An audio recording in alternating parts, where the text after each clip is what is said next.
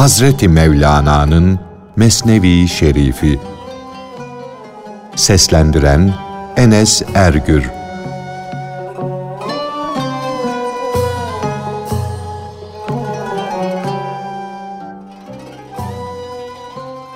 Calinus bu dünya yaşayışına aşıktı. Çünkü onun hüneri ancak bu dünyada işe yarardı. Öteki alemde bir işe yaramazdı.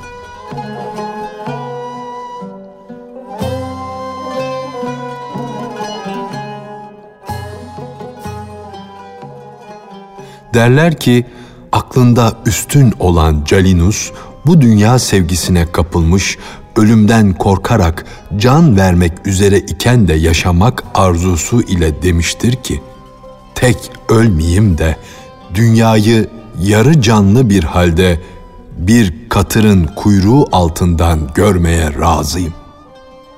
Sanki Calinus'un ruhunun kuşu beden kafesi etrafında katar katar kediler görüyormuş gibi uçmaktan, bedeni terk etmekten korkuyordu.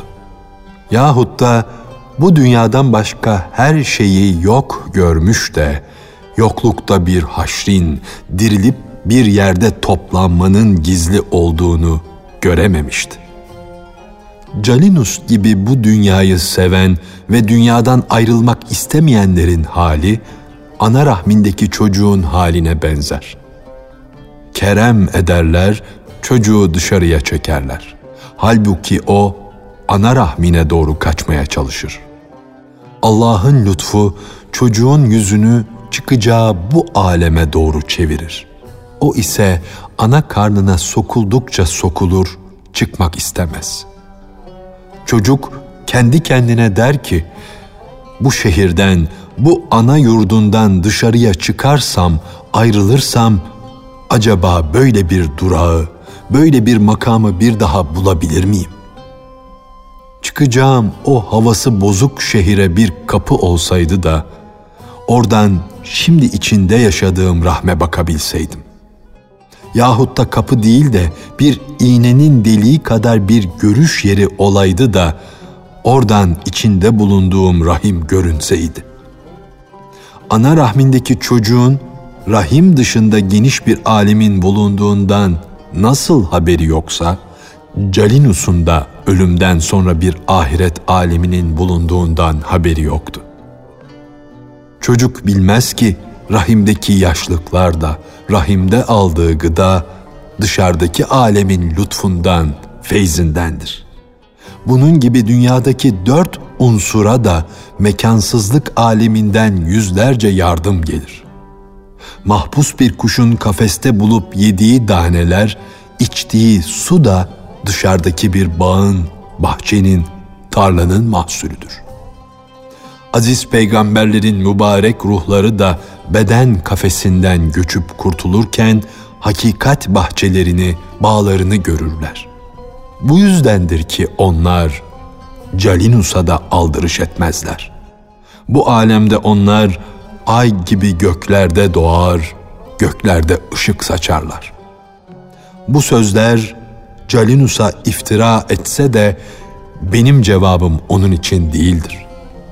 Bu cevap o sözü söyleyen ve kendinde nurlu bir gönül bulunmayan kişi içindir. O kimsenin can kuşu kedilerden yani ruhu kabzeden meleklerden hele durun sesini duyunca delik arayan fareye dönmüştür. Bu sebeptendir ki onun ruhu fare gibi bu dünya deliğinde karar kılmış, bu deliği yurt edinmiştir. Bu dünya deliğinde binalar yapmaya kalkmış, o delik ne kadarsa o kadar bilgiler, hünerler, sanatlar elde etmiştir. Bu dünya deliğinde kendisine yarayacak, kadrini ve şerefini arttıracak sanatları, hünerleri seçmiş, onları öğrenmiştir.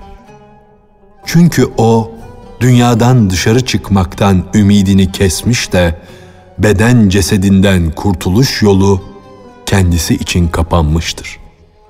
Eğer o örümcekte yani dünyaya bağlanıp kalan gafilde Zümridi Anka'nın yani velinin huyu olsaydı tükürüğü ile kendisine çadır kurar mıydı? O kişinin bulunduğu dünya kafesine ecel kedisi pençesini atmıştır. O pençenin adı derttir, baş dönmesidir, sıkıntıdır. Kedi ecelin, ölümün sembolüdür. Hastalık da onun pençesidir ki kuşa ve onun kanatlarına uzanmıştır. O kimse bucak bucak deva ve şifa arar durur. Ölüm kadıya benzer. Hastalık da tanık gibidir.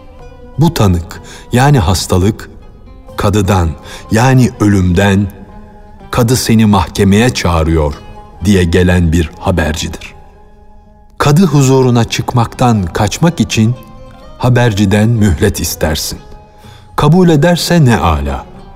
Etmedi mi? Hayır der. Olmaz. Mühlet istemen, ilaçlara başvurman, çareler aramandır. Beden hırkasına yamalar dikmek gibidir. Sonunda haberci bir sabah kızgın bir halde gelir, çatar. Utanmıyor musun? Bu mühlet ne vakte kadar sürecek?'' Der. Ey hasetlerle dolu olan kişi, git özrünü padişaha arz et. Mühleti ondan iste. O gün gelip çatmadan padişaha başvur. Atını karanlıklara süren, yani hayatını gaflet ve günahlarla geçiren kişi, gönül nurundan, ilahi nurdan tamamiyle ayrı düşer. O kişi şahtan da kaçar, tanıktan da yani hastalıklardan, habercinin götürmek istediği yerden de kaçar. Çünkü haberci onu mahkemeye dolayısıyla ölüme çağırmaktadır. Sonunda onu hiç ummadığı bir zamanda ansızın yakalarlar. Perişan bir halde ite kaka sürükleyerek kadıya yani ölüme götürürler.''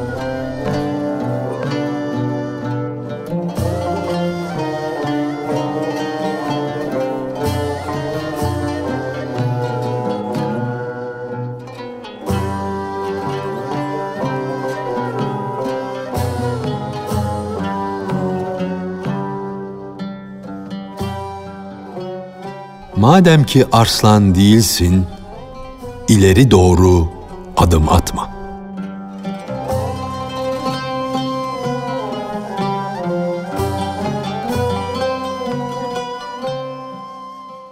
Madem ki arslan değilsin, aklını başına al, ayağını ileri atma. Çünkü ecel kurttur. Senin canın ise dişi bir koyun gibidir.''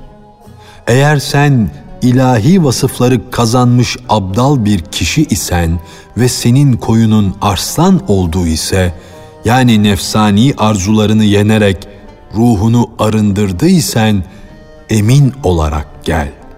Ölümün başını eğmiş, sana yenilmiş, alt olmuştur. Abdal kimdir? Varlığı değişmiş, Allah'ın lütfu ile onun şarabı sirke olmuş kişidir. Fakat sen dünya sarhoşusun. Kendini arslan olacak bir yiğit sanıyorsun. Hatta arslanım zanına düşmüşsün. Aklını başına al da ileri atılma. Ben cefaya uğrayıp kemale ereceği ve safa bulacağı zaman kaçan, sonra da manevi safa, huzur dileyen kişiye şaşarım.'' Aşk bir davaya benzer. Cefa çekmek de tanıktır. Tanığı olmayan dava kaybedilir.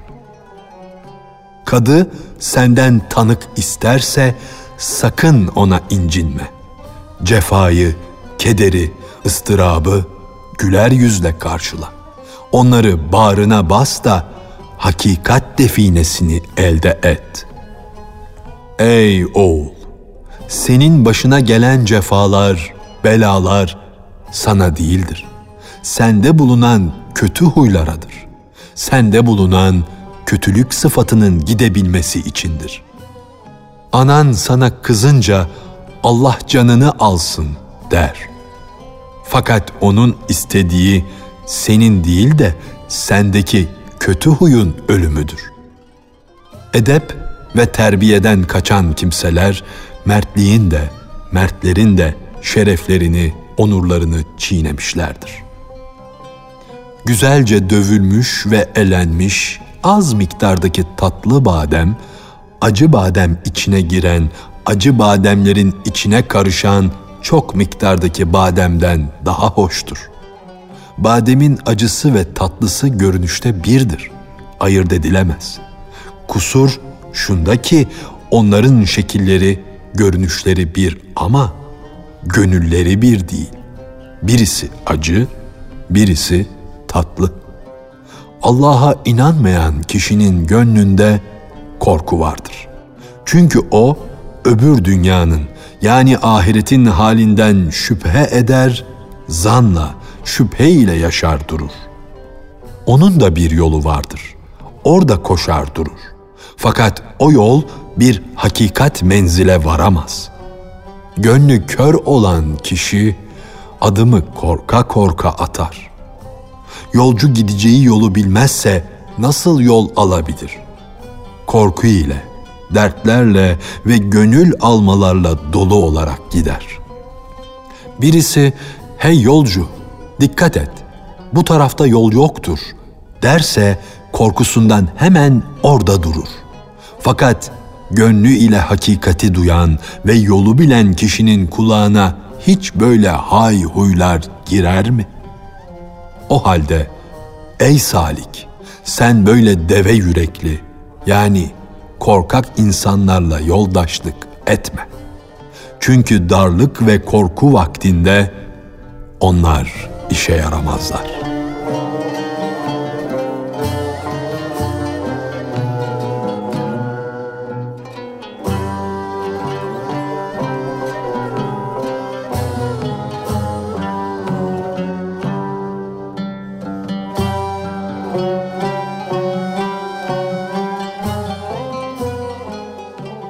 Nefis ile şeytan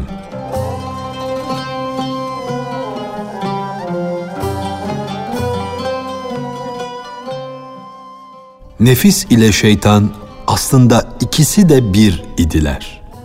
Yani bir bedende yaşıyorlardı. Fakat kendilerini iki gösterdiler. Nitekim melek ile akıl da beraber idiler. Hakkın hükmü yüzünden iki şekle büründüler.'' Ey insan! Senin içinde öyle korkunç bir düşman var ki o akla engel, cana ve dine düşmandır. O düşman bir an kertenkele gibi saldırır, sonra kaçar, bir deliğe gizlenir. İnsanın gönlüne girip yerleşen şeytanın gönülde birçok manevi delikleri vardır. Allah'ı zikredince o deliklerden birine girer, gizlenir de sahibine vesvese veremez olur. İnsan dünya işlerine dalarak Allah'ı anmaz olursa o deliklerden başını uzatır, dışarı çıkar. Şeytanın insandan gizlenmesine sinsi sinsi gizlenmek dediler. İşte onun gönlündeki deliğe girmesi bu sinsi gizlenmesidir. Şeytanın sinmesi, büzülmesi, kirpinin büzülmesine benzer. Kirpi büzülür, sonra gagasını çıkarır, sonra yine çeker. İşte o da öyle yapar. Cenab-ı Hak şeytana sinsi sinsi gizlenen diye buyurdu. Çünkü onun davranışları dikenli kirpinin başına benzer. İnsafsız avcı korkusundan kirpinin başı zaman zaman dikenleri arasına çekilir, gizlenir. Kirpi fırsatını bulunca da başını dışarı çıkarır. Bu çeşit hile ile yılanı bile alt eder.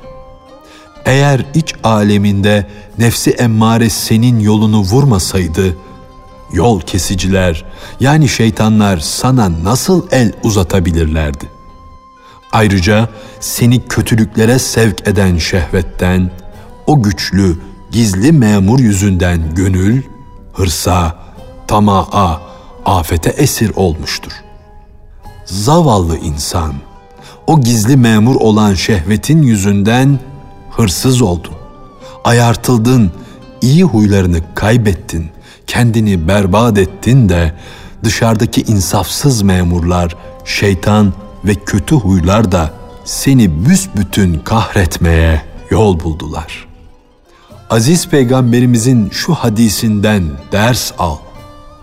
Düşmanların en korkuncu, en zalimi senin içinde bulunan nefsindir. Bu nefis düşmanının atıp tutmasına kulak verme. Ondan kaç. Çünkü inadında, ısrarında, ayak diriyişinde o iblise benzer. Seni dünyaya yöneltir. Gönlüne dünya sevgisi, mal, mülk sevdası kor da ahiretteki sonsuz gıdayı sana kolay gösterir. O nefis sana ölümü bile ehemmiyetsiz gösterirse bu işe şaşılmaz. Çünkü o büyüsü ile bunun gibi yüzlerce işler yapar. Büyü bazen bir saman çöpünü hile ile sanatla dağ yapar. Bazen de bir dağı saman çöpü haline getirir. O nefis ve şeytan çirkin olan şeyleri hile ile güzelleştirir. Bazen de güzelleri, güzellikleri çirkinleştirir. Sihrin yani büyünün hali budur. Efsunlar okur, üfürür. Hakikatleri değiştirir. Bazı zaman insanı eşek gösterir. Bazı zaman da eşeği tam bir adam haline kor. İşte böyle bir büyücü senin içinde gizlidir. O da şeytan gibi vesvese veren nefsindir. Onun vesveselerinde gizli bir sihir vardır. Fakat sihir ve büyücülerin bulunduğu dünyada öyle manevi büyücüler yani veliler vardır ki onlar nefsin büyülerini bozarlar. O bu taze ve tesirli zehirin bulunduğu ovada panzehir de bitmiş ve gelişmiştir. Panzehir yani veli sana gel der. Beni siper edin. Çünkü ben sana zehirden fazla hayırlıyım. Nefis ile şeytanın sözü büyüdür. Seni yıkar, harap eder. Benim sözüm de bir çeşit büyüdür. Ama onun büyüsünü bozar, seni kurtarır. Peygamber Efendimiz de sözde sihir gibi, büyü gibi bir tesir ediş vardır diye buyurmuştur.